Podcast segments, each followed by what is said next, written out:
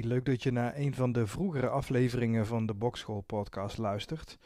Wat je zult merken is dat behalve de naam ook het concept inmiddels wat veranderd is. In de eerdere afleveringen keken we samen um, met audio en video dus synchroon naar een wedstrijd. En tegenwoordig is de podcast echt op zichzelf staand, dus daar heb je geen video bij nodig. We bespreken dan een wedstrijd voor en na de podcast kun je op je eigen moment de wedstrijd een keer gaan bekijken. Dat is hier dus een beetje anders. Um, hier wordt gevraagd om video op een gegeven moment te synchroniseren met je, met je podcast audio. Dus dan weet je dat alvast voordat je gaat uh, beginnen met luisteren. Veel plezier en leuk dat je naar de boxschool luistert.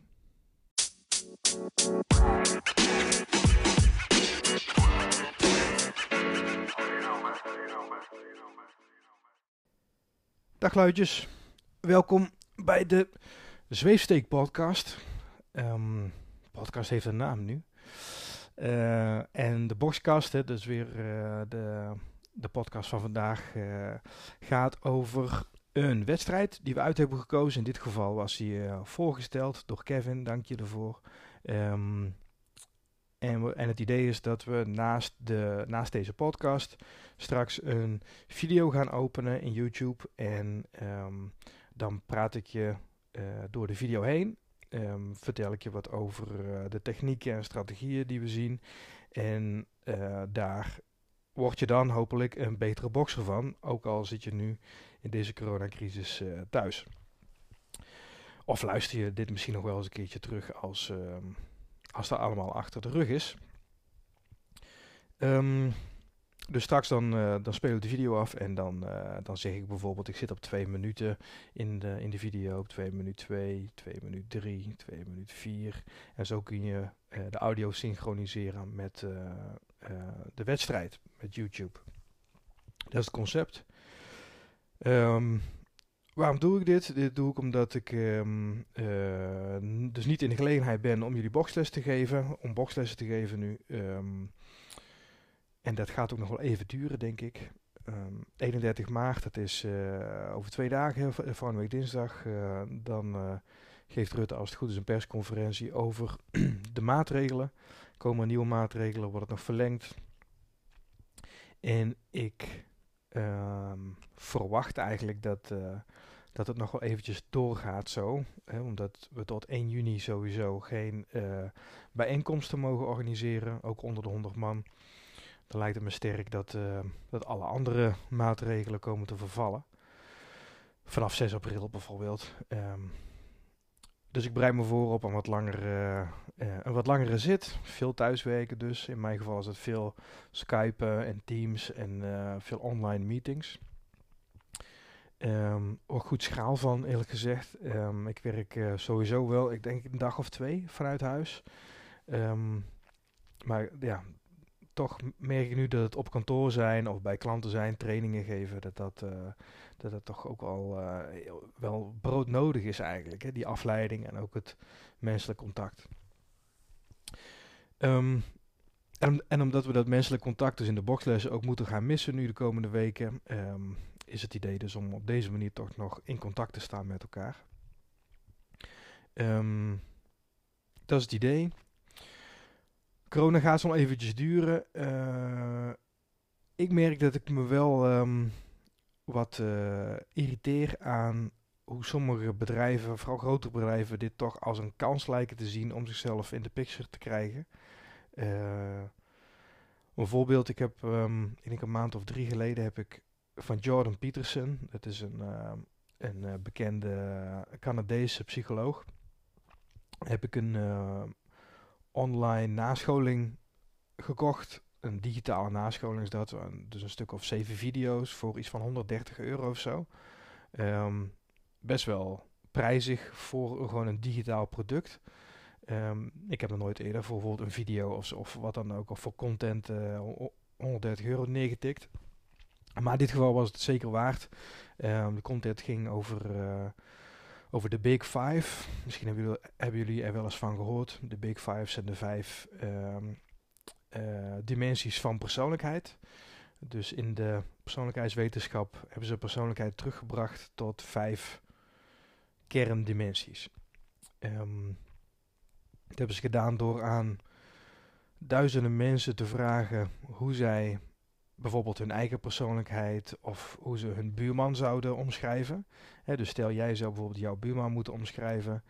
Ehm, wat is de persoonlijkheid van jouw buurman? Nou, dan gebruik jij daar een aantal woorden voor en een aantal zinnen voor en uh, termen voor. En dat doen andere mensen ook. En zo hebben ze, die wetenschappers hebben, um, hebben alle termen en uh, naamwoorden en uh, zinnen bij elkaar gegooid. Van, van dus tienduizenden mensen. En hebben al die verschillende persoonlijkheidsomschrijvingen. Dus bijvoorbeeld aardig, vriendelijk, uh, prettig, uh, irritant. Uh, al die verschillende dingen hebben ze geclusterd. Um, dus, dus gecorreleerd aan elkaar. En zijn toen gekomen tot vijf, vijf clusters. Dus vijf dimensies van persoonlijkheid. En in goed Engels zijn dat openness, is dat dus openness. Dus openheid en... Um, openness staat ook wel voor uh, intellect en creativiteit ook wel. Um, dan heb je neuroticism, neuroticisme. Uh, dat, dat gaat over mentale stabiliteit, of juist niet. Um, dus scoor je bijvoorbeeld hoog op neuroticism, dan is de kans dat je bijvoorbeeld een burn-out of depressie krijgt groter dan dat je laag scoort. Dan hebben we agreeableness, dat is zeg maar, dat laat zich vertalen naar vriendelijkheid. Um, maar dat is ook een beetje ratio versus emotie bijvoorbeeld. Voor de mensen of jullie die luisteren die wel eens een kleurentraining hebben gehad. Um, de DISC kleurentraining of Insights kleurentraining. Dan zou dat bijvoorbeeld een rode kleur zijn. Die zou meer mensen rationeel en doelgericht. Versus bijvoorbeeld uh, groen. En dat zou dan meer um, uh, voelend zijn en mensgericht. Even kijken, dus agreeableness. En dan hebben we nog neuroticism, openness, uh, conscientiousness. Um, conscientieusheid in, uh, in uh, lekker Nederlands. Um, en dat gaat over hoe jij plant en hoe, hoe ver je vooruit kijkt.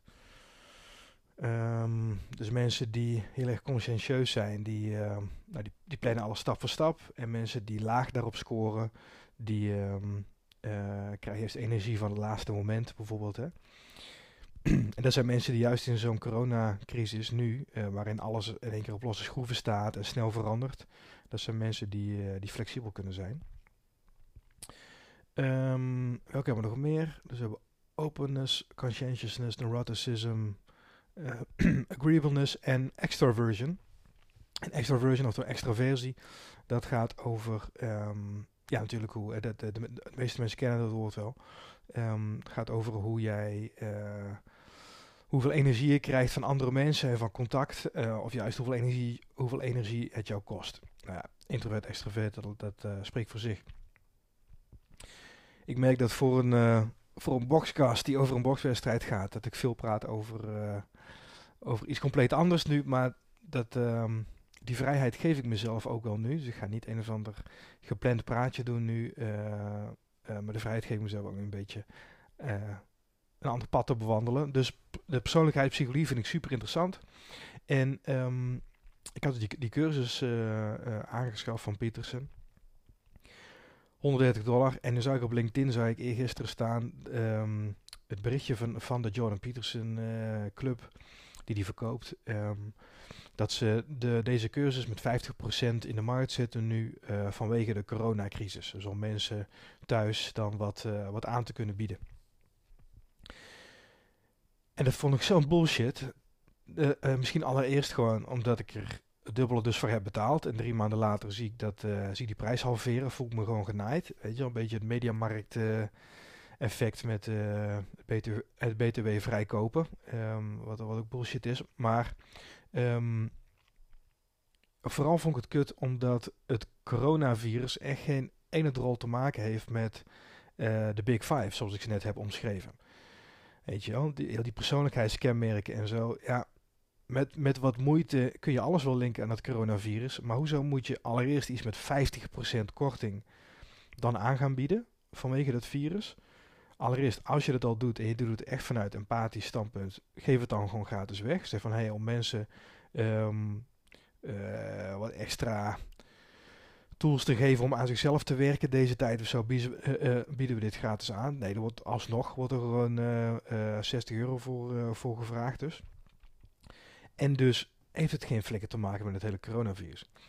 Nu, is, nu moet ik zeggen dat er meer, er zijn veel meer sympathieke dingen die gedaan worden nu door, door ondernemers hè, die, wel, die wel gewoon echt ook ja, meehelpen.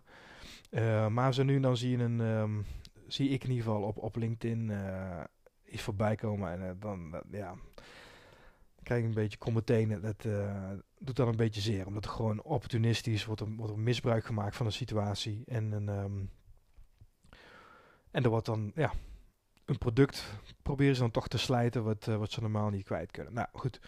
Um, waarom dit? Geen flauw idee. Waarom dit? Omdat het kan, zou ik zeggen. Um, maar in ieder geval, dat is uh, um, corona bij mij. Is corona journaal van de afgelopen week. Ik ben ook al benieuwd naar jullie. Uh, ik ben oprecht benieuwd naar jullie perceptie van, van deze week. Want het is gewoon... voor de ene is het heel anders dan de ander.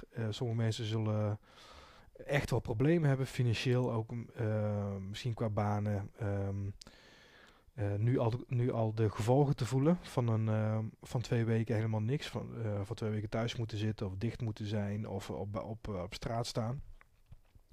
En voor andere mensen gaat het leven misschien redelijk, redelijk door. Um, en is het misschien gewoon een week thuiswerken geweest met lekker weer. Um, dat hoeft ook niet zo vervelend te zijn. Um, dus ik ben benieuwd hoe dit, hoe dit voor jullie is geweest straks, als we hierop uh, op terugkijken.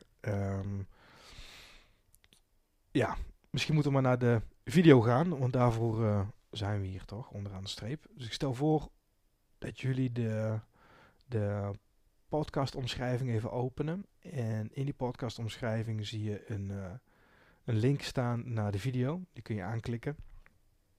En dan staat de video al, of in je telefoontje staat die, uh, staat die goed. Of je, je pakt een tweede scherm erbij. En um, dus op uh, je iPad, laptop of tv of wat dan ook. En daar, daar zet je de video op, video op klaar. Dit inspreken van een podcast is voor mij uh, ook helemaal nieuw. En um, ik heb met mezelf afgesproken dat ik gewoon die microfoon um, in de telefoon steek en, en gewoon onvoorbereid begin te, te zeveren.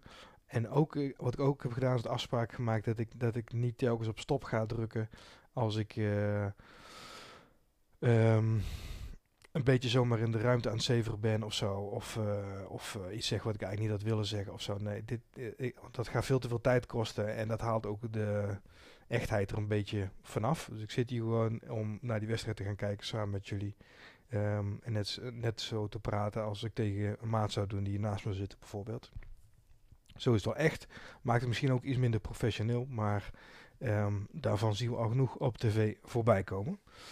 Um, alright, dan ga ik ook de link aanklikken en uh, naar de wedstrijd. Oké, ik kijk nu naar Anthony Joshua in zijn white robe, in zijn witte, um, ja hoe heet dat, een robe. Ja, een badjas is het ook al niet hè. Dan zeg ik gewoon robe. Um, even kijken, ik start de video niet helemaal vanaf het begin, maar ik ga beginnen vanaf, laten we kijken of vanaf 20, 20 minuten kan beginnen. Dus even kijken, ik zit nu op 19, 20 precies, 20, 1, 20 minuut 2, 20 minuut 3, 4, 5, 6, 7, 8, 9, 20 minuut 10, 12, 13, 14, 15. Dan doen we nog een keer, zie wat juichende fans zie je. Joshua die zijn rope uitdoet. 2025, 2026, 2027, 28, 29, 30. 20 minuut 33, 34, 35, 36, 37. Oké. Joshua, Anthony Joshua en Vladimir Klitschko. De face-off. Wat al bijzonder is gelijk als je voordat de wedstrijd begint, is dat ze elkaar in de ogen kunnen aankijken. En dat maken ze alle twee natuurlijk niet vaak mee. Dat zijn alle twee bomen van gasten. Van Klitschko, uit mijn hoofd zou ik zeggen... 1,98 meter of zo. Ik denk, dat Vladimir Klitschko net geen 2 meter is. En zo te zien is uh, Joshua dat dus ook niet. Dit is echt vet, want um, volgens mij heb ik hem nooit helemaal in zijn geheel gezien, de wedstrijd. En uh, ik weet wel dat het vuurwerk gaat worden. Gelijk Vladimir naar het midden van de ring. Dreigen met zijn links. Als je het midden van de ring weet te houden, dan, heb je, dan leid je de dans. Sommige boxers doen het goed juist om aan de, de, aan de zeg maar, van, de, van de boxring, hè, dus de, de, aan de kant van de, van de, de touwen zeg maar, te werken. Goede linkerhoek. Maar in het algemeen, als je het midden van de ring kunt beheersen, zoals Vladimir nu aan het doen is, dan beheers je de dans en dan leid je de dans.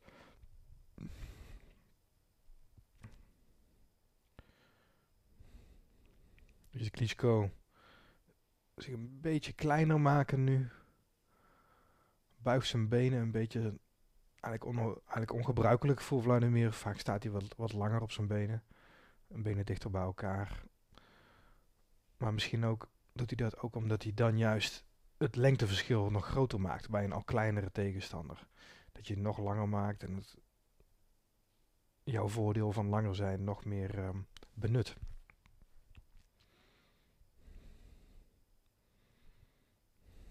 De jab, eerste ronde is, een, uh, is vaak een aftastende ronde.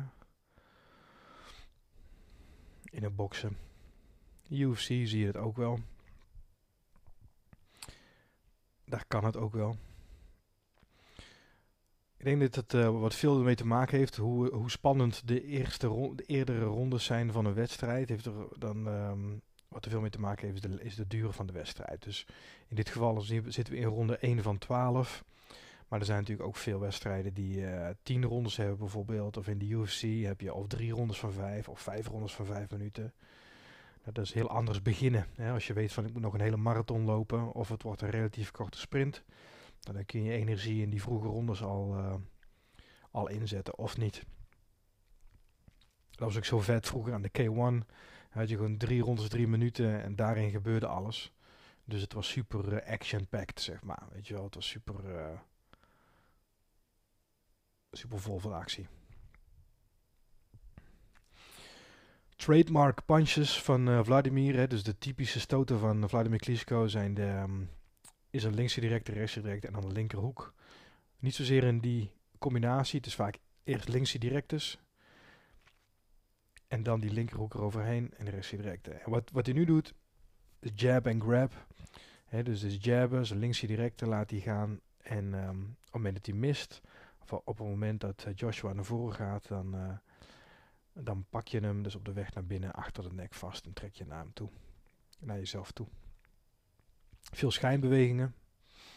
En Joshua reageert ook veel op uh, schijnbewegingen. Het is een beetje een nerveuze eerste ronde zo eigenlijk. Was dit niet Wembley Stadium? Ik weet het niet meer. Um, maar wel bijzonder dat Joshua dus nu gewoon stadions echt uh, uitverkoopt. Ja, het was. Hij heeft natuurlijk onlangs, spoiler alert misschien, maar onlangs verloren van um, Andy Ruiz, hè, die kleine dikzak. Um, kleine dikzak, maar wel uh, uh, dynamiet in zijn, in zijn knuisten. En daarmee is toch een beetje van de magic van uh, Anthony Joshua is wel, is wel weg. Ja, dus je hebt um, altijd het... Um, noemen ze het ook alweer? De... Ja, invincibility uh, era, zeg maar. Je hebt een beetje een soort, een van air van invincibility. Alsof je niet te verslaan bent. Boom, goede reactie directe. En Mike Tyson had dat ook uh, heel lang, um, totdat je op een gegeven moment verslagen wordt. En als je één keer verslagen bent, vooral zo knock-out bent gegaan, zoals Joshua is gegaan, dan gaat toch een beetje van die magic verdwijnt toch gewoon een beetje. Die air of, invincibility, die uh, verdampt dan, zeg.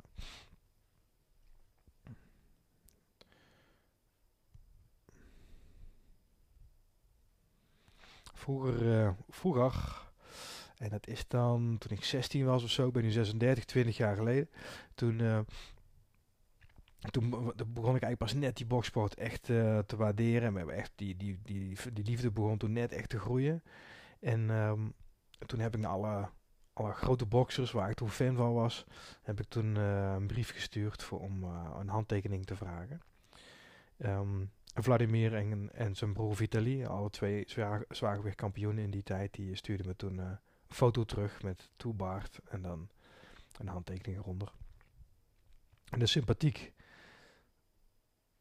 als, um, als mensen in zo'n uh, situatie dat doen, weet je wel. Als je, de, als je de mogelijkheid hebt om levens te raken, weet je wel. Als een jongen van 16 in Nederland uh, zo'n envelop binnen ziet komen, uit, wat was het toen, Verenigde Staten of uh, Duitsland, ik weet het niet meer. Waar ze toen die brief vandaan stuurden. Maar dat deed wat toen met mij, weet je wel. Dan heb je in één keer toch een soort van contact met uh, de heavyweight champion. Ik was vooral fan van Vitaly Klitschko, de oudere broer van, uh, van Vladimir. Die bocht iets wilder. En Vladimir is uh, over het algemeen heel erg composed, zoals ze dat dan zeggen. Het is heel erg um, in controle voor wat hij doet. En dat maakt voor wat, over het algemeen toch wat saaiere wedstrijden eigenlijk wel. Heel erg op het uiteinde van zijn stoten. Maar ik heb er ontzettend veel van geleerd door veel naar ze te kijken. De drie stoten, de linkse directe linkerhoek en de rechtse directe, dat uh, zijn by far ook de stoten waar ik zelf het liefst mee werk. Ik zou zeggen, deze eerste twee rondes bijna, zijn er echt wel voor Klitschko.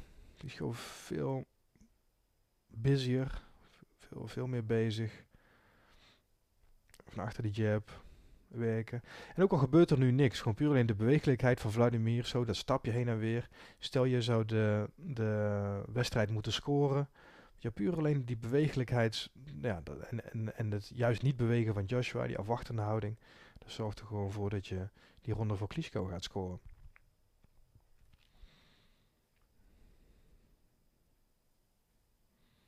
Dus altijd je hoofd blijven bewegen. Ik heb die rechtse direct te zien. Boom. Ja, die was goed. Goed, maar niet goed genoeg. En vind ik ook zo'n... Uh, dat is ook zo'n fucking, fucking expert level verdediging. Hè? Dat, um, dat zie je Canelo veel doen. Um, Canelo Alvarez. Die dat wegkijken op het laatste moment. Dus stel, je ziet een rechtse direct aankomen. Je bent te laat om nog je handschoen omhoog te trekken. in plaats van je ogen dicht te doen, zeg maar, die stoot op te vangen, wat je ook kunt doen, is eigenlijk gewoon naar achteren kijken. Dus stel die rechtsgedirecte die komt recht op je af. En dan net, en die zie je pas op het laatste moment, door dan mee te draaien met je nek, zeg maar, met die stoot. En eigenlijk gewoon naar achteren te kijken, heel snel. je draait je hoofd heel snel naar achteren toe. Dan glijdt die stoot als het ware toch nog net langs je, je, je, je kaak af. Of die raakt je in ieder geval niet zo flush als, uh, als dat je hem gewoon zou pakken. En ik, dat zie ik, zeg maar, ik zie, dat zie ik die profs doen, maar Jezus, hoe goed moet je dan zijn?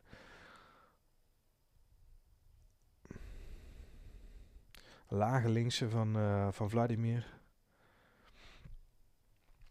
Iets wat Ali natuurlijk ook veel deed, hè? die links heel laag houden. En wat het vooral doet, is het zorgt dat um, als je dekking zo laag houdt, zorgt ervoor dat je niet goed weet van wanneer die linkse nu komt. Uh, of het een hoek of een opstoot of een directe gaat worden. Um, dus je bent veel minder uh, voorspelbaar als je die linkse zo laag, uh, laag laat hangen.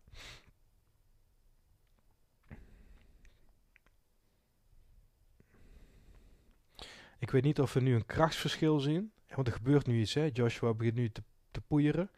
En ik weet niet of we een krachtsverschil of een intensiteitsniveau uh, zien verschillen. Soms heb je gewoon sterkere boxers. De ene heeft gewoon meer kracht dan de ander. En dan zie je dan al heel snel in de wedstrijd van, ah, bijvoorbeeld Vladimir is maar aan het prikken. Eh, Klitschko is aan het prikken. Maar Joshua die, uh, die heeft veel zwaardere handen. Is, uh, is heavier handed, zoals ze dan zeggen.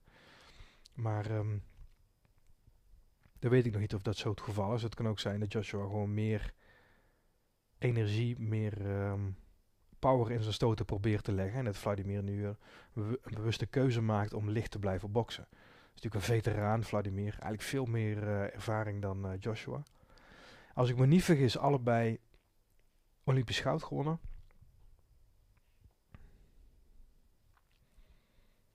Maar Vladimir qua profervaring veel, veel meer ervaren. Ligt op zijn voeten. Vooral voor een relatief oude man. Hij is in ieder geval nou ja, voorbij de 35, denk ik. In deze wedstrijd. En in boksen is dat relatief oud. In de zwaargewicht boksen. Ik denk als er een gewichtsklasse is binnen boksen waar je met een, uh, waar je met een, een hogere leeftijd nog redelijk goed wegkomt, dan is het wel zwaargewicht boksen. Omdat, vooral als je altijd vertrouwt op de kracht in je handen. De kracht is het laatste wat het lichaam verlaat eigenlijk hè, als, als bokser. Je snelheid, je souplesse, je, je ritme, je, je technieken, je feeling. Dat gaat allemaal weg naarmate de jaren verstrijken. Of gaat weg, dat wordt, dat wordt, minder. Maar je kracht, dat behoud je nog wel. Het beste voorbeeld ervan is George Foreman eigenlijk. Die op zijn 40, 45 volgens mij nog... Uh, eh, 40 of 45 jaar nog uh, zwaargewichtkampioen werd. Wederom zwaargewichtkampioen.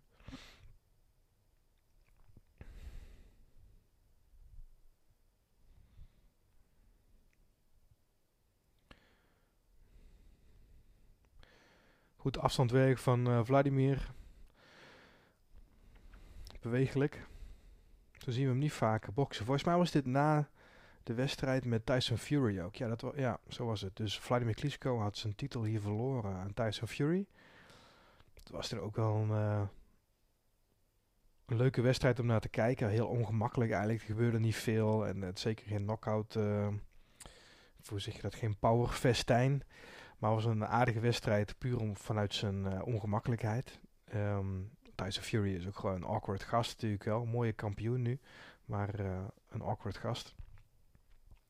Um, en Klitschko kwam dus, dit is volgens mij zijn eerste wedstrijd na, dat, na die verliespartij geweest.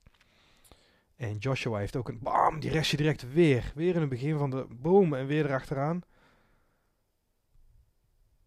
Weer recht van nou in het begin van die, uh, van die ronde. En je zou toch denken, juist in het begin van zo'n ronde, dat die dekking juist super strak staat. Dat je in je perfecte stand als het ware begint of zo. Maar juist dan, boem, die restje direct eroverheen. Vladimir, dat vond ik het mooiste. Vladimir heeft, um, ik ben volgens mij Ross Purity. Nee, niet Ross Purity, daar heeft hij tegen verloren. Maar er was iemand, ik ben zijn naam even kwijt, maar een goede profboxer ook. Ook, laten we zeggen, halverwege zijn profcarrière van Vladimir. En, en, die, hij, won een wedstrijd. Hij was uh, uh, ronde 1 alleen maar links direct, dus linkerhoeken en zo. Rechtse gewoon helemaal niet, niet gegooid. Ronde 2, hetzelfde verhaal. Ronde 3, alleen maar links direct, dus boom, op een gegeven moment linkerhoek, gas gaat knock-out. Vladimir heeft gewoon in een profwedstrijd, weet je wel, waar gewoon geld voor betaald wordt, vol, uh, volle zalen eromheen. Um, hij, hij, zijn rechtse direct gewoon geen enkele keer gegooid. Dus super, super hard, super uh, sterk is uh, Vladimir met zijn linkse. Maar als je die rechtse laat gaan, dat is echt de touch of sleep. Hè. De, die, die zorgt ervoor dat je even gaat slapen. Net, net zagen we even een onsportieve stoot van Joshua tegen het been van Vladimir. Daar werd hij even voor gewaarschuwd ook. Misschien omdat Vladimir te veel vasthoudt of zo. Of dat Vladimir Joshua ook laag heeft geraakt noemen ze dan een beetje mental warfare. Dus een beetje mentaal oorlog aan het voeren. Ja, sloeg me daar. Oké, dan sla slaat je terug. Bij de UFC zie je het veel als ze eyepokes hebben. Weet je wel, heb je natuurlijk geen dichte handschoenen, van die open handschoenen. En dan bijvoorbeeld iemand uh, in het oog geraakt of zo. Dan kun je er eigenlijk op wachten dat die ander ook een foul en een um, strafbare move zeg maar begaat. Joshua natuurlijk uh, gespierd. Ook, veel, ook nog gespierder dan Vladimir. Wat er eigenlijk ook gewoon een... Ja... Zo'n Romeins standbeeld is, zeg maar, weet je. Maar... Um, nu is Joshua niet meer zo. En dan je die bodybuilder fysiek. Hij heeft denk ik inmiddels wel geleerd, vooral na zijn verliespartij met Ruiz, dat uh, die spieren meedragen. Het ziet er natuurlijk vet uit, Hè, een beetje superheld, maar ehm, in, het, eh, in de box op dit niveau eh, kost het je te veel. Kost je gewoon het, het, eh, het kost je te veel energie. Spieren vragen veel zuurstof. En over 12 rondes tegen tegenstanders van het niveau van de Vladimir Klitschko bijvoorbeeld, dan is het gewoon een slecht idee eigenlijk. Vroeger was men helemaal niet voor het trainen met gewichten in een boksen. Dus uh, gewichten en grote spieren, dat was, daar moest je juist ver vandaan blijven. Maar dat, is, dat, is, dat ligt inmiddels wel genuanceerder. Want je kan zeker wel eh, goed met de gewichten, boom, daar is die restje goed met de gewichten trainen. Als bokser en ook prima spiermassa opbouwen. Stoot was tegen het jukbeen. En op het jukbeen zit geen, zit geen uitknop eigenlijk. Boom, weet je, op die oogkas. Doet wel zeer. En als je hard genoeg is, dan ga je er ook al van zitten. Maar er zit geen uitknop. Hè. Dus die uitknop zit op die kaaklijn. Daar komen die zenuwen samen, puntje van de, kin, uh, van de kin. Achter het oor is ook zo'n typische plek waar je je balans helemaal kwijtraakt. En op de slaap en uh, bovenkant hoofd, dat is ook, er zit ook een uitknop. Boom. Hoppa. ja, het vasthouden van, uh, van Vladimir, dat is wel de, de manier om hiermee om te gaan nu. En het beste wat je kan doen is nu is twee stappen naar voren afklemmen en, um, en alles stoppen. Boom, boom. Lukt hem niet.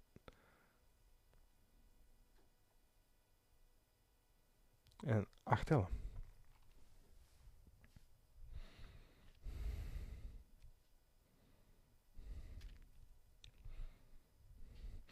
Ik heb niet één stoot gezien die, nu, uh, die er volop zat. Of één stoot waardoor hij echt uh, nu helemaal de weg kwijt zou zijn of zo. De accumulation of punches. Hè, dus de opeenstapeling van stoten. Dat heeft gezorgd dat hij ging zitten net. Nu heeft Vladimir niet de sterkste kin. Hij staat bekend om zijn uh, glass chin. Om zijn glazen kin.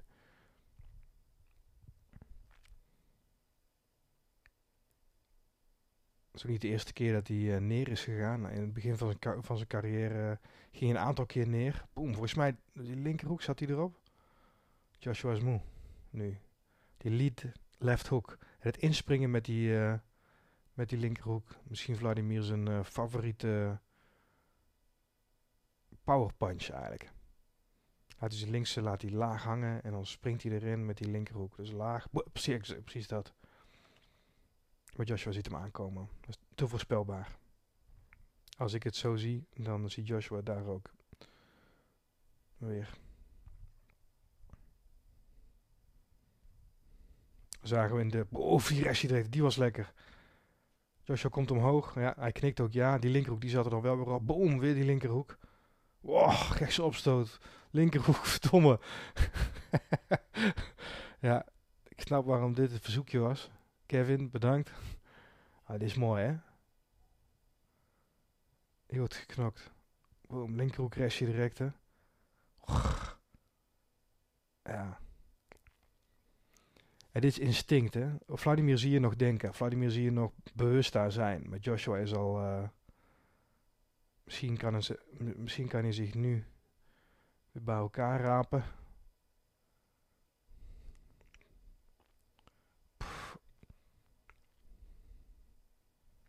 En puur op instinct, zo'n zo poeier, net laten missen. Die rechtse opstoot. En dat is het, hè. Zo'n rare, rare stoot, die rechtse opstoot die je gewoon eigenlijk een wedstrijd lang niet gooit. Bijna niet gooit. Die gaat hem nu verrassen. Terwijl en die linkerhoek en die rechtse directe, die, die ziet Joshua nu wel aankomen. Goed hoor, prachtig. Poeh, wat is er nou net gebeurd? Is dat dezelfde ronde? Ja, toch? Vladimir neer. Door die opeenstapeling. Ja, die linkerhoek was goed. Opeenstapeling van uh, stoten. En Vladimir kwam snoeihard terug. En als je mij vraagt, kijk, Vladimir is neer, dus uh, acht tellen. Dus is dat uh, eigenlijk winst voor Joshua. Als één iemand neergaat en de ander niet, boom, die linkerhoek. Dan is het gewoon winst. Hele ronde gewonnen door, um, door Joshua nu. Boef, en daar die rechtse drukte. Maar je wint het drama van die, van die ronde. Weet je, de, echte, de echte winst. Als mens zit er maar in, uh, in dat terugkomen, weet je wel. Neergaan en dan gewoon sterker terugkomen. Uiteindelijk die ronde gewoon nog winnen. Is Vladimir Klitschko. Maar het is een sport. En geen, uh, geen drama. Of toneelspel of wat dan ook. Dus dit, de vorige ronde was gewoon voor Joshua natuurlijk.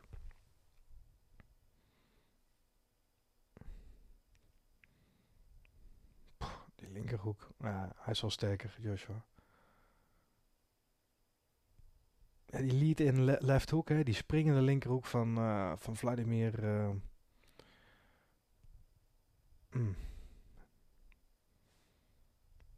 Daar gaat hij hier toch niet mee, uh, mee redden. Die restje direct, dat was echt perfect. Een beetje uitgevallen. Even spoelen. Terug in de mond. Als, ik me goed, als, als ik het me goed kan herinneren, was dit ook wel de wedstrijd die het, uh, die het zwaargewichtboksen echt boom weer uh, nieuw leven inblies toen. Was het met Joshua sowieso, was het al populair in de UK. Maar die ronde van net, dat is, is gewoon fantastisch gewoon. En het is echt, weet je wel. Bof, boem. Oh, verdomme. Recht op zijn gaffel. Ja, lekker. Ja, zo keek je ook Joshua tegen Andy Ruiz toen hij neerging. Een beetje alsof er niks aan de hand is. Een beetje lachen en zo. Het zit gewoon zeer. Bij Ruiz ging hij knock-out. Nee, die rechtsie directe. Oh. Ja. En vastpakken. Joshua.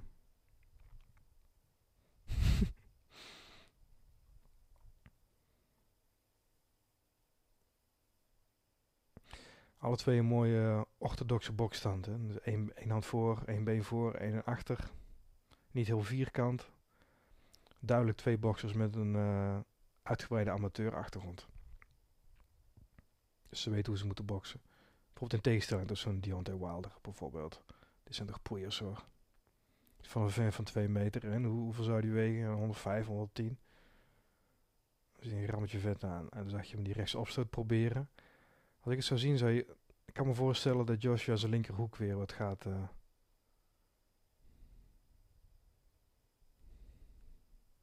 vermoeidheid. En zo'n move als net, met het vastpakken en zo en het duwen, dat is een heel vermoeiende beweging wel. Dus we zitten nu halverwege de wedstrijd, ronde 6 van 12. Maar door het nerveuze begin en dan die uh, knockdown en dan dat, dat gepak en zo van net. Ik kan me voorstellen die gasten er al gewoon doorheen zitten zo in ronde 6. En dan ben je op de helft.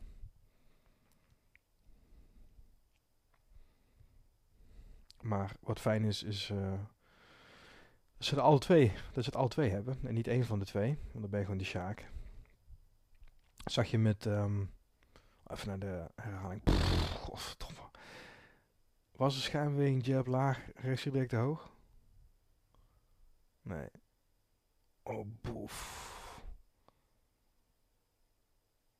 Weet je, een halve linkerhoek en die rechts er achteraan. Prachtige stoot.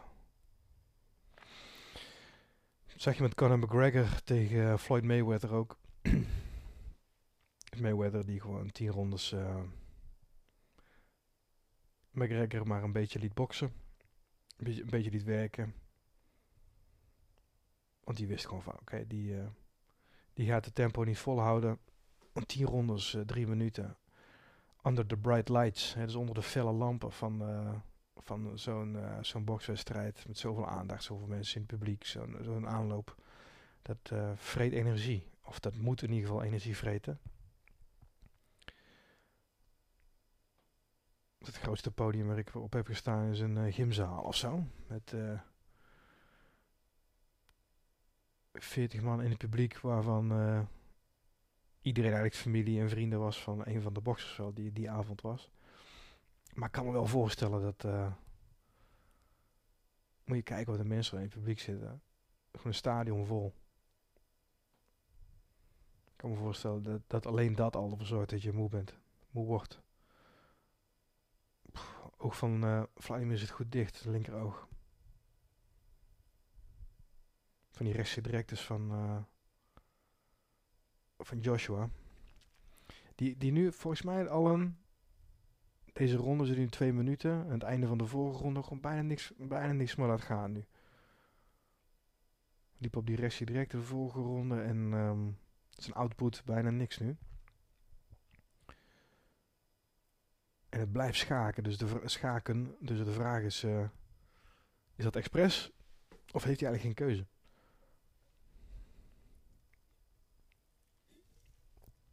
Wacht, wachten weer op die linkerhoek. Hè. Als, als, als Vladimir zijn hand zo laag laat, dan zie je hem gewoon aankomen, die, lead left hook.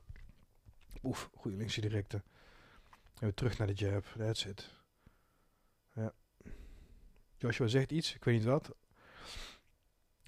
goed, ja.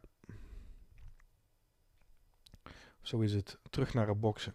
is een beetje gek, hè? Boksen noem je boksen. Noem je um, daarmee wordt dan eigenlijk niet het hele sport bedoeld. Maar als je boksen in, uh, als boksterm zeg maar gebruikt, binnen de boksport zelf, dan um, bedoel je technisch en um, gecontroleerd boksen. Dus een, een, een, een, een bokser in het boksen, dat klinkt dan een beetje gek, is eigenlijk iemand, uh, is, een, is een bokser die, uh, die technisch is en die licht is en die zijn hersenen gebruikt. Dus dat is eigenlijk een stijl in de boksen is boksen. Een beetje gek. Maar zo heb je ook uh, de puncher, hè, dus de stoter. Dat laatste graden natuurlijk, die wil die ander uh, gewoon knock-out mappen. En dan vertrouw je eigenlijk op die ene, die ene stoot of die ene stootcombinatie. Zoals bijvoorbeeld een Tyson een typische puncher was en George Foreman. Heb je de, de, brawlers, die proberen er een uh, gevecht van te maken. Dat is vaak een beetje slordig. Niet de mooiste wedstrijden om te zien, maar um, die swarmen, zeg maar, dus die, die, die, is het juiste Nederlandse woord ervoor, die uh, zwermen bijna over je heen, zeg maar. Hè? Dus dat is, die, die, die krijg je niet van je, van je afgemapt. Dus bijvoorbeeld een Joe Frazier of een Derek Chisora. Van die gasten die blijven naar voren komen en die, uh, die zijn bijna de borstcrawl aan het doen tegenover je bewijzen van. Ze zijn alleen maar naar voren aan het boksen. Allemaal, allemaal andere stijlen. En zo kan ik nog even doorgaan. Wat je net zag in, uh, gedurende de ronde na die paar jabs die Vladimir landde, is dat Vladimir terugging naar het echte boksen. Dus naar het technische jabben en zo. En ik zie in ieder geval een duidelijk contrast met. Um, daar heb je Deontay Wilder naar rechts. Inmid inmiddels ontkroond door Tyson Fury. En met het coronavirus maar de vraag of. Of anytime soon daar de rematch van gaan zien. Maar in ieder geval, ik vond het mooi om te zien dat Vladimir terugging naar het echte boksen. En dus uh, een groot verschil. Met jabs, jabs, linkerhoek. Kijken. Ook iets minder licht op zijn voeten. Maar meer gecontroleerd. Kijken of je het vol kan houden. Vladimir begon de eerdere rondes met die restje directe telkens. Of een aantal keer die opgezet werd met zo'n linkerhoek. Hè. Dus met zijn linkerhand raakt hij zo de, handschoen van, de linkerhandschoen van Joshua aan. En dat is natuurlijk wel een goede move.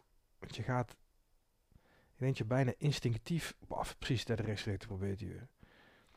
Dat je bijna instinctief probeert, als iemand zo jou, tegen jouw hand aantikt, probeer je bijna instinctief denk ik terug te tikken.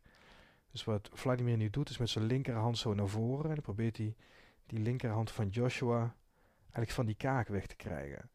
Door puur alleen, dat als Vladimir nu met zijn linkerhand, de linkerhand van Joshua aan probeert te tikken. De tegenbeweging van Joshua zorgt voor genoeg uh, ruimte eventueel voor die rechtsgedrekte om te landen van Vladimir. Ik hoop dat ik dan duidelijk ben als ik dat zeg. Zo niet, dan heb pech.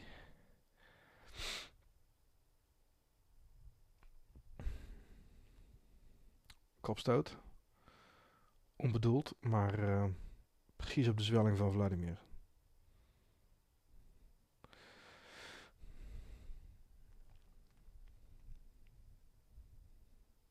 En daarmee bedoel ik zijn linkeroog.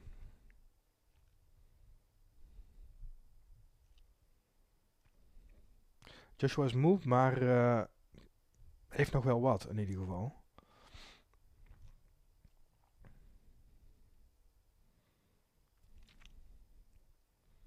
Ronde 8 van 12. Goeie jabs. Dit is boksen weer. Jabs. Niet, niet gelijk direct. Dus als je die rechts direct een beetje thuis blijft. Nu is hij aan het bouwen weer, Vladimir.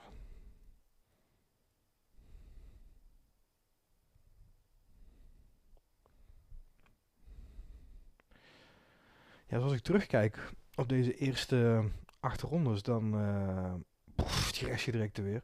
Dan heeft Joshua één goed moment gehad. En misschien doet mijn geheugen in mijn steek laten. Om heeft Joshua één sterk moment gehad. Waarin hij Vladimir neersloeg. Maar uh, Vladimir is toch gewoon de betere bokser hier. Ligt op zijn voeten.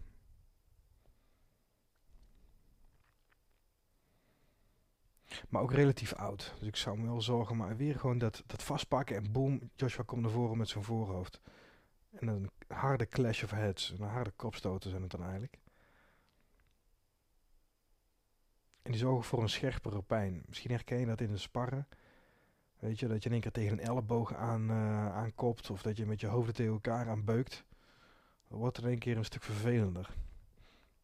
Je kan beter zo'n handschoen hebben. Een elleboog.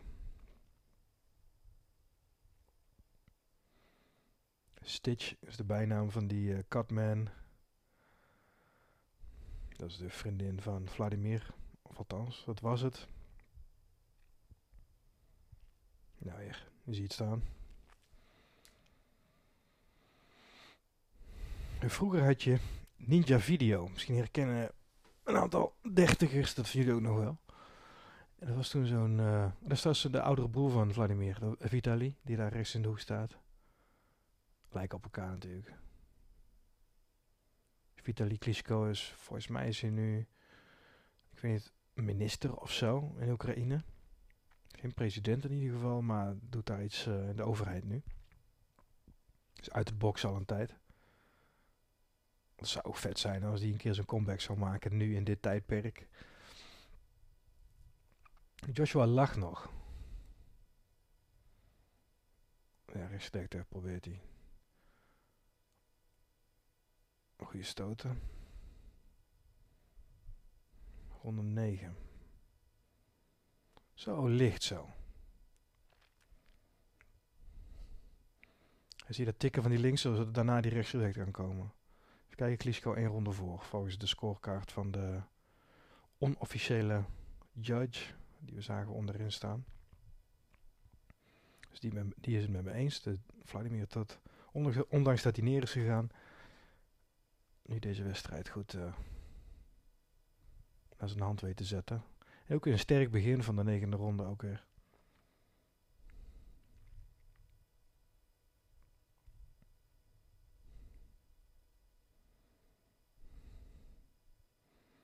Terug naar jabben, terug naar het... Uh, zijn, er zit wel intensiteit achter, hè, die stoten van Joshua. Net zoals net die lichaamstoot.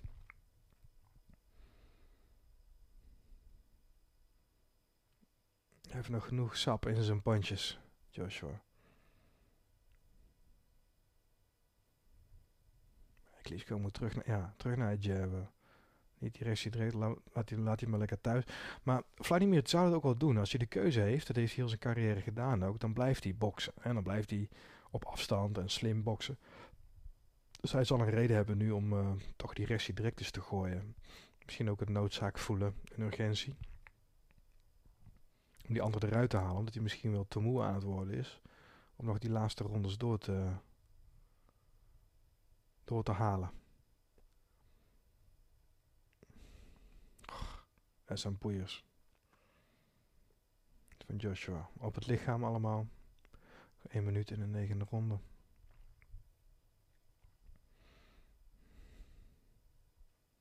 Ja, dit. Dit is goed. Ik kan die oude Klitschko een beetje rusten.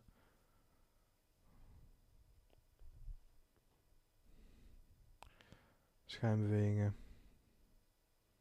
Dit is goed. Dit is gewoon ontspannen. Je kan dus rust pakken.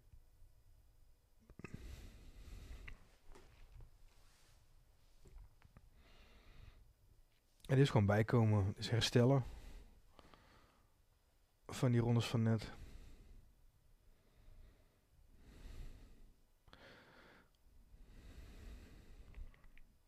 Is ook al gebeurt er weinig. Dit zo, en dan weer zo'n lead left hook. Waar die Joshua toch niet mee kan, uh, kan pakken. Hij krijgt hem er niet mee te pakken.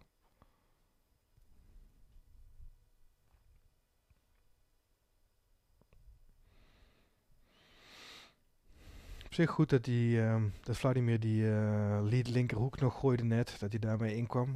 Dat geeft me aan dat hij in ieder geval nog energie heeft om, uh, om, om zo'n stoot te gooien.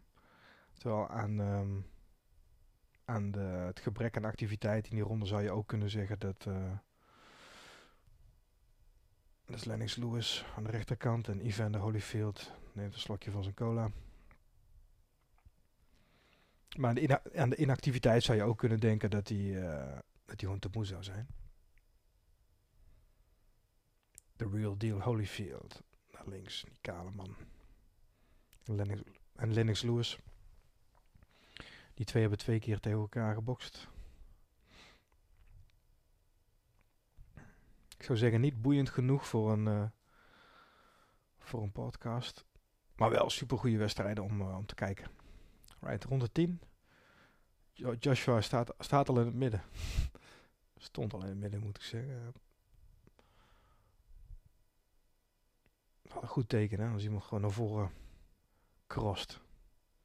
In plaats van uh, lethargisch van zijn stoel afkomt en stap voor stap naar het midden probeert te kruipen. Dit is wel bijzonder voor een zwaargewichtwedstrijd in de, in de tiende ronde. Om nog zoveel bewegelijkheid te zien zoveel actie te zien. Dat is echt top. Hoe dit ook eindigt. Hoe dit ook eindigt. Is nu eigenlijk al een fantastische wedstrijd. Ik heb het gevoel dat Joshua natuurlijk wel wat nog wat in de tank heeft. Maar uh, Vladimir, zou ik nu zeggen, Vladimir is gewoon veel te ervaren om uh, deze wedstrijd te laten gaan eigenlijk. Om die uit zijn handen te laten glippen. Ronde 10 van 12. Stel hij zou nog, nog twee rondes verliezen nu. Door, door bijvoorbeeld heel defensief te boksen. Dan zou hij hem misschien alsnog gewoon wel, wel hebben. Deze pot. Maar hij is natuurlijk wel neergegaan. En als je een 10 achterronde hebt. Hè, zo werkt dat dan. Als je iemand anders neerstoot. Dan win jij die rondes met twee punten. Terwijl normaal als je bijvoorbeeld gewoon de betere bent in een ronde. Dan win je een ronde met één punt verschil. En dat scoresysteem gaat misschien te ver om dat nu helemaal uh, uit de doeken te doen. Maar um, als je dus neer bent gegaan, ja, dat dan loop je dus twee rondes achter als het ware. Dus dan heb je misschien ook niet de luxe die Vladimir nu anders... Pff, die rechtse. Dan heb je misschien wel de... En dan heb je, niet de luxe om um, de ronde vrij te nemen, tussen aanhalingstekens. Iets wat Vladimir toch eigenlijk wel uh, vaak doet. Het is ook al een kutstreek zo, hè. Zo afklemmen en dan zo onder die dekking door die stootjes geven. En de scheid schiet alleen Joshua, die dan laag terugstoot onder de gordel. Dat mag natuurlijk niet. Wat Vladimir doet is ook niet goed. Holding en hitting mag niet. Vasthouden en, slaan.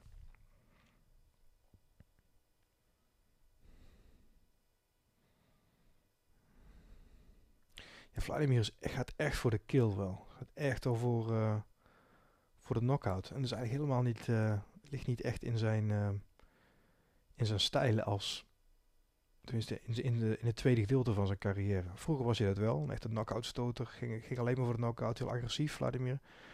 Totdat Corey Sanders een keer, um, voor de eerste keer eigenlijk echt het licht uit zijn ogen mapte. Dat is daarna nog een keer gebeurd door Lehman Brewster. Goede restie direct wel. En toen is Vladimir eigenlijk heel, heel defensief gaan boksen. Goeie.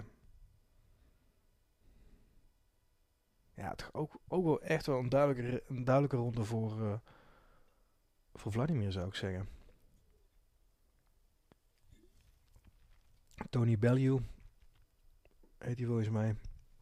Deze knaap was een cruiserweight champion, dus lichtzwaargewicht. En volgens mij is hij retired, dus volgens mij is hij mee gestopt. Hij had een mooie pot tegen David Hay. En David heeft weer een heel mooie geschiedenis met Vladimir. En dan is het rondje weer rond. Die restje direct. Zo'n inloopstoot, een stoot waar je, waar je en naar voren komt en dan, dan eentje vangt. In de les hebben we het er heel vaak over. Dan heb je dubbele kracht. En iemand komt naar voren, boef, en die stoot gaat naar voren. Dus dan, als jouw restje direct uh, normaal een kracht van 100 heeft, dan is het dan een keer 200, weet je wel. dat is een goede race. Van Joshua op zijn gaffel, linkerhoek. In boksen zeggen ze dan, a taste of his own medicine. Dus Vladimir krijgt niet terug wat hij heeft uitgedeeld zelf. Ronde begint, restje direct van Joshua, boef, op zijn gaffel. En hij is aangeslagen. Waarom clincht hij nou niet, hè, Vladimir? En nu naar voren. Gek eigenlijk dat hij nu naar achteren loopt. Is hij misschien toch niet zo aangeslagen, Vladimir?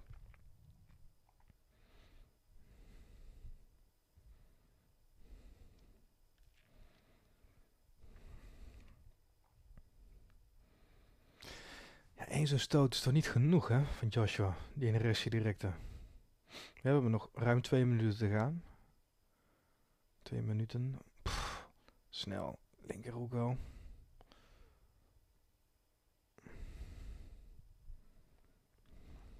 Vladimir wordt veel, Vladimir wordt veel geraakt hier. Oh. ja, die race opstoot, jongens. Jezus. Oh, uh, uh. Naast de touwen grijpen. En staan, hè. Maar niet uit, zwalken. Staan. Scheids gaat door. De scheids kan makkelijk zeggen, einde oefening hier. Het is instinct. Oh, die restje direct er dan. Rechter op midden. Wild. Oh, die rechtse opstoot weer door op midden. De regel is speed beats power over het algemeen. En precision, precision beats speed. Maar echte power, echte kracht zoals Joshua hier laat zien nu. Moeilijk om daar uh, een antwoord tegen te bieden. Wilde linkse. Maar is nog niet klaar. Benenwerk. Hier, dit had hij dus nog in de tank, Joshua. Stoppen. Hmm. Ja, ja. Ik was benieuwd geweest hoe... Uh, ja, het is, gewoon, het knap dat hij nog zoveel energie had, Joshua. Dat is dan toch strategie geweest. Ik dacht van, hij is helemaal klaar. helemaal moe. Maar hij heeft toch gewoon nog... Het is toch een onderdeel van de strategie geweest om in die late rondes dan... Uh, ronde 11, weet je wel. Dan heb je toch ook al ballen. Dat je dit, wat hij nou heeft gedaan, Joshua, dat je dat achterhoudt tot de elfde ronde. Dat je pas echt begint te mokeren, mokeren, zeg maar, net zo voor het einde. A ballsy move. Hè? Moet je ballen voor hebben. Dus knap wat dat betreft. Maar ik was ook al benieuwd geweest wat er was gebeurd als, uh, als de scheidsrechter nog even wat door had laten gaan. Maar um, de, de, de ref. Maar gelukkig uh, kijken scheidsrechters naar wat het beste is voor de boxers en niet naar wat fans liefst willen zien. Want um, Vladimir wordt er natuurlijk niet uh, gezonder op, weet je wel, als uh, met dit soort uh, klappen. En um, voor mij wel mooi om te zien wat er dan gebeurt, maar nee, dit is prima eigenlijk. En Joshua terecht de winnaar. Er is geen uh, rematchpartij geweest. Volgens mij, ja, volgens mij is Klitschko hierna retired. Volgens mij was dit zijn laatste uh, wedstrijd tegen Joshua. En hij heeft te kennen gegeven dat hij ook echt retired is, dat hij echt met pensioen is, dus nu Klitschko. Hij heeft een broer natuurlijk die hetzelfde heeft gedaan, die ook echt gestopt is met de wedstrijd en niet meer terug is gekomen. Ja, ik, het, het is wel fantastisch. Oh, hier hebben we die opstoot natuurlijk. Poef, compleet blinde. Dat zag je zeker niet aankomen. Jezus. Ja, hoezeer. Oh. Wat mooie stoot ook zo, kort. Bij het naar boven komen vanuit zijn benen. Nou, kijk maar eventjes naar de beentjes van uh, Joshua. Dat zijn geen kleine jongens. Bij naar boven komen, pomp, rechtsopstoot. En ik had het eerder over van waar je geraakt wordt met die aan- of uitknop. Maar dit is gewoon altijd, altijd goed, zeg maar. Wat een mokerslag. Maar het zou mooi zijn als Vladimir toch nog uh, terug zou komen om... Uh, nou, misschien de winnaar van um, Joshua tegen Fury. Want ik denk dat die wedstrijd, uh, dat de eerste wedstrijd is die nu hierna gaat komen. De grote zwaargewichtwedstrijd. Nu heb je de, de titels zijn verdeeld over twee mannen. Dat is Joshua en dat is Tyson Fury. Dus nu moet er een unification fight komen, waarin de, de titels, zeg maar, want je hebt vier verschillende boxbonden, vier grote boxbonden. En um, de WBC, de World Boxing Council, heeft één titel, die heeft Tyson Fury. Maar het is een hele belangrijke titel van binnen die vier, met veel uh, geschiedenis. Hè, dus um, Muhammad Ali had die titel ook. Um, en Joshua heeft die, heeft die van andere drie bonden van de belangrijke drie andere bonden. Dus die moeten samenkomen nu, is het idee. Dan ben je undisputed, hè, dus uh, geen dispute over. Undisputed heavyweight champion. Als die wedstrijd is geweest, dan heb je één kampioen. En ik kan me zo maar voorstellen dat Vladimir daarna zegt, als die dus die naam er is, of dat Tyson Fury of Anthony Joshua is, uh, dat is, dat Vladimir dan zegt van ik kom terug. En ik ga het nog één keer proberen. Vette pot. Oké. Ehm, goed. Dames en heren, jongens, meisjes. Eh, leuk om, eh, om weer eens terug te zien. En leuk om eh, samen te bespreken zo. succes deze week. We gaan dinsdag horen wat de nieuwe maatregelen gaan worden. Of verlenging of wat dan ook. Met betrekking tot corona. Dus we spreken elkaar daarna weer. Goed, groetjes.